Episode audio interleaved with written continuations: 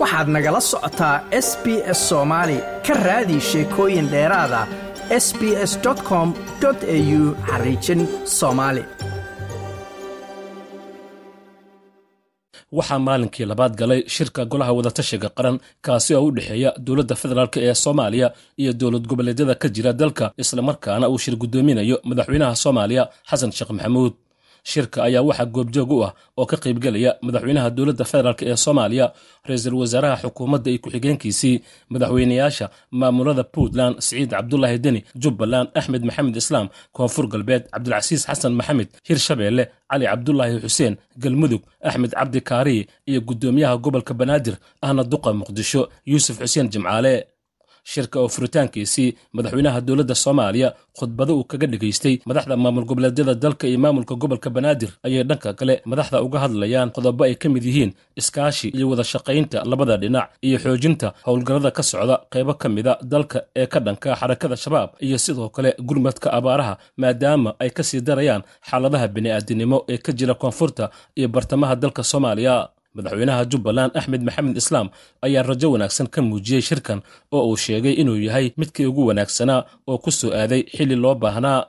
Waxaana ka cudur daaranayaa inaan noqdo kii ugu dambeeyey. Waxay ahayd inaan u soo hormaro taas mahad celin bacdi waxaan aada ugu faraxsanahay inaan shirkan oo kii saddexaada aan maanta kaga soo qayb galno magaalada muqdisho maanta ka furmaya. Inta aan ka ogahayna aan is leeyahay waa shirkii ugu faa'iidada badnaa wakhtiga ugu habboonna ku soo hagaagay. Sababtoo iyadoo dib xoreynta socoto siyaasaddii waddankoo la furfurayo ayna u muuqato nidaamka cusub ee dowladda cusub ay qaadatay madaxweyne xasan sheekh inay tahay khadawaad amaami ah oo horey loo qaadayo wakhtigan hadda. Aad baan ugu faraxsanahay arrintaas. Kama hor dhici doona laakiin shirka waxaan ka rajaynayaa inuu ka bedelaan doono shirarkii hore. Tasaa laga yaabaa inaan safaro dhaadheer xataa qaarkeed u soo galeen marka muhiimadda uu leeyahay dhankiisii xildhibaan nadiif oo ka mid ah mudanayaasha golaha shacabka baarlamaanka federaalk soomaaliya ayaa aad u soo dhoweeyey shirkan oo uu sheegay in looga tashanayo aayaha dalka isaga oo rajeeyey inay ka soo bixi doonaan qodobo muhiim ah. Runtii su'aashaasi waa su'aal muhiim oo qof walba soomaaliyeed uu maskaxda ku hayo. Shirka ka bilaamay magaalada muqdisho ay isugu yimaadeen dowladda federaalka iyo maamul goboleedyada madaxdooda oo madaxweynuhu hogaaminayo waa shir wadatashi ah oo looga tashanayo xaaladda guud ee waddanku uu marayo. Hadday noqoto dhinaca nabadgelyada hadday noqoto dhinaca dhaqaalaha dhinaca siyaasadda iyo hore socodka dalka intaba. Marka waa shir muhiima oo ku soo beegmay xilligii loo baahnaa. Waxaana laga filayaa inuu ka soo baxaan qodobo muhiima oo ugu muhiimsan tahay dhinaca nabadgelyada in tallaabooyinkii la qaaday ama kuwa la qaadi doono iyo dhinaca wada shaqaynta hay'adaha dowladda ah iyo in laga wada sheekaysto ama la iska waraysto wadanku xaaladdu ku jiro. Ogsoontahay wadanka waxaa ka jira abaaro xoogla ka jira abaaraa jira dagaalaa socda. Waxyaabahaasoo dhan iyo xiriirka kale ee ka dhexeeya hay'adaha dowladda inay wada shaqeeyaan. Waana soo dhoweyn haddaan anagu golaha shacabka soomaaliyeed. Waana waxaan filaynaa inuu noqdo mid fiican oo qodobo wax ku oolaho madaxweynaha iyo madaxda gobolladu intuba ama maamul goboleedu intuba ay ku tashadaan.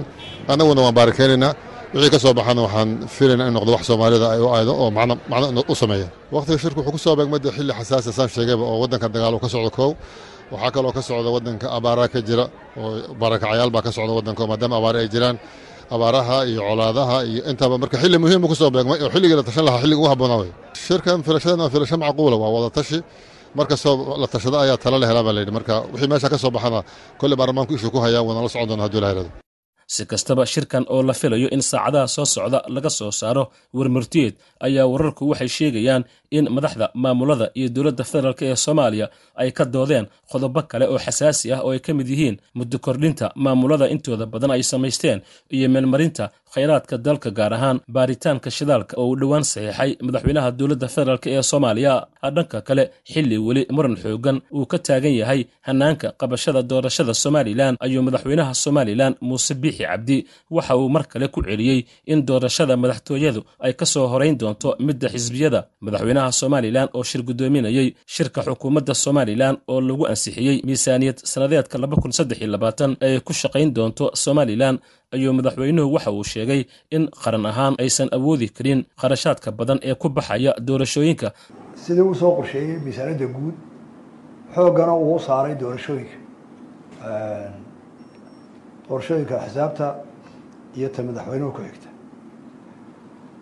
Shan iyo tobanka milyan waxaa soo koobaya kharashaadkii hore diiwaangelinta oo ilaa shan milyan ay u qoondaysnayd oo haya oo iminka guddida doorashooyinka qaranka ay hayso. Waxay ku filan tahay diiwaangelinta. Lacagtaa diiwaangelintu waxaynu u qaadanaa doorashadu inay deg deg isu raacaan. Aynu ka baxsano kharash dambe oo soo noqnoqda. Markaa xisbiyada doorashadooda waxaa ku lifaaqan tii diiwaangelinta oo shan milyan. Markaa waa toban milyan xisbiyada kharashkooda. Sidoo kale ta madaxweynaha isna waxaynu ku gelaynaa diiwaangelintan oo iyana shan baa ku darsamaya shantii milyan ee kharashkeeda. Ahaa waa toban milyan. Oo waxaan aynu isugu soo dhaweynaa doorashooyinka qolada diiwaangelinta hawsha alinaha ku xisaabtanto waxaynu dhimaynaa toban milyan. Haddii doorashooyinka mid walba gaarkeeda diiwaangelin lagu qabto. Taasoo inaan qaran ahaan qaadi karayn. Cidna aan inaga caawin karin baryahan. Markaa fikradana waa ku amrineynaa qolada wasaaradda iyo ciddii soo gudbisay waynu ka doodnay. Golahu in badan buu ka wada hadlay. Waxay u muuqataa ugu mahadnaqaya ku bogaadinaya golahu inuu dhammaan isku raacay. Madaxweynaha ayaa sheegay inay waajib tahay in wax weliba laga horumariyo qabashada doorashooyinka.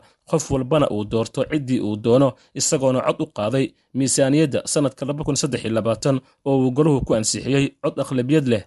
Sanadkan mudnaanta waa in doorashada wax walba loo huraa. Nin waloo hadlayba nin wala wasaaraddiisa eegada weliba wax laga jaray wixii hore haddana waxay dhammaan dhiirigeliyeen inaynu u jahaysano doorasho miisaaniyadda nagu talagalno wixii ka dhibanna u diyaargarowno xukuumad ahaana aynu qaadano majaraha doorashadii waa in deg deg lasu raaciyaa loo qabta marka waxaan jeclaan lahaa dood way bedelo rag badan oo rayaalka duwad iyo hablaba way jireen in inta ogol miisaaniyadda in saa lagu sii daayo. Ay gacanta u taagto waxaa fadhiya laba iyo soddon golaha wasiirada xukuumadda maanta laba iyo soddonka way u codeeyeen miisaaniyadda in duuduubkaa sa ay tahay lagu ansixiyo iyadoo doorashada doorbilayo cidi kama aamusin cidina ma diidin aada iyo aad baa umahadsantihi waxaynu ku talagelaynaa iyo inay labadii doorasho tii xisbiyada iyo tii madaxweyne bay noo qabtaan shacabka waxaynu ka codsanaynaa dhammaantii in nabadgelya doorashooyinkaa lagu galo in dadku jihada doorashada u diyaargaroobo xisbiyada mucaaradka inay diyaargaroobaan in dhammaan dadku ay galaan doorasho nabada oo salmi ah oo qof waliba codkiisa cidda uu doonayo uu siiyo.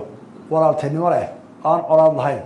Hadalka madaxweynaha somalilan muuse biixi cabdi ayaa ku soo aadaya xilli weli muran xoogan uu ka dhex jiro xukuumadda iyo xisbiyada mucaaradka ah ee ucid iyo waddani oo iyagu dhowr jeer sheegay inaanay aqbali doonin hanaanka ay xukuumadda ku doonayso qabashada doorashooyinka la filayo in somalilan ay ka dhacaan like aas la wadaag wax ka dheh lana soco barta facebooka ee sb s soomaali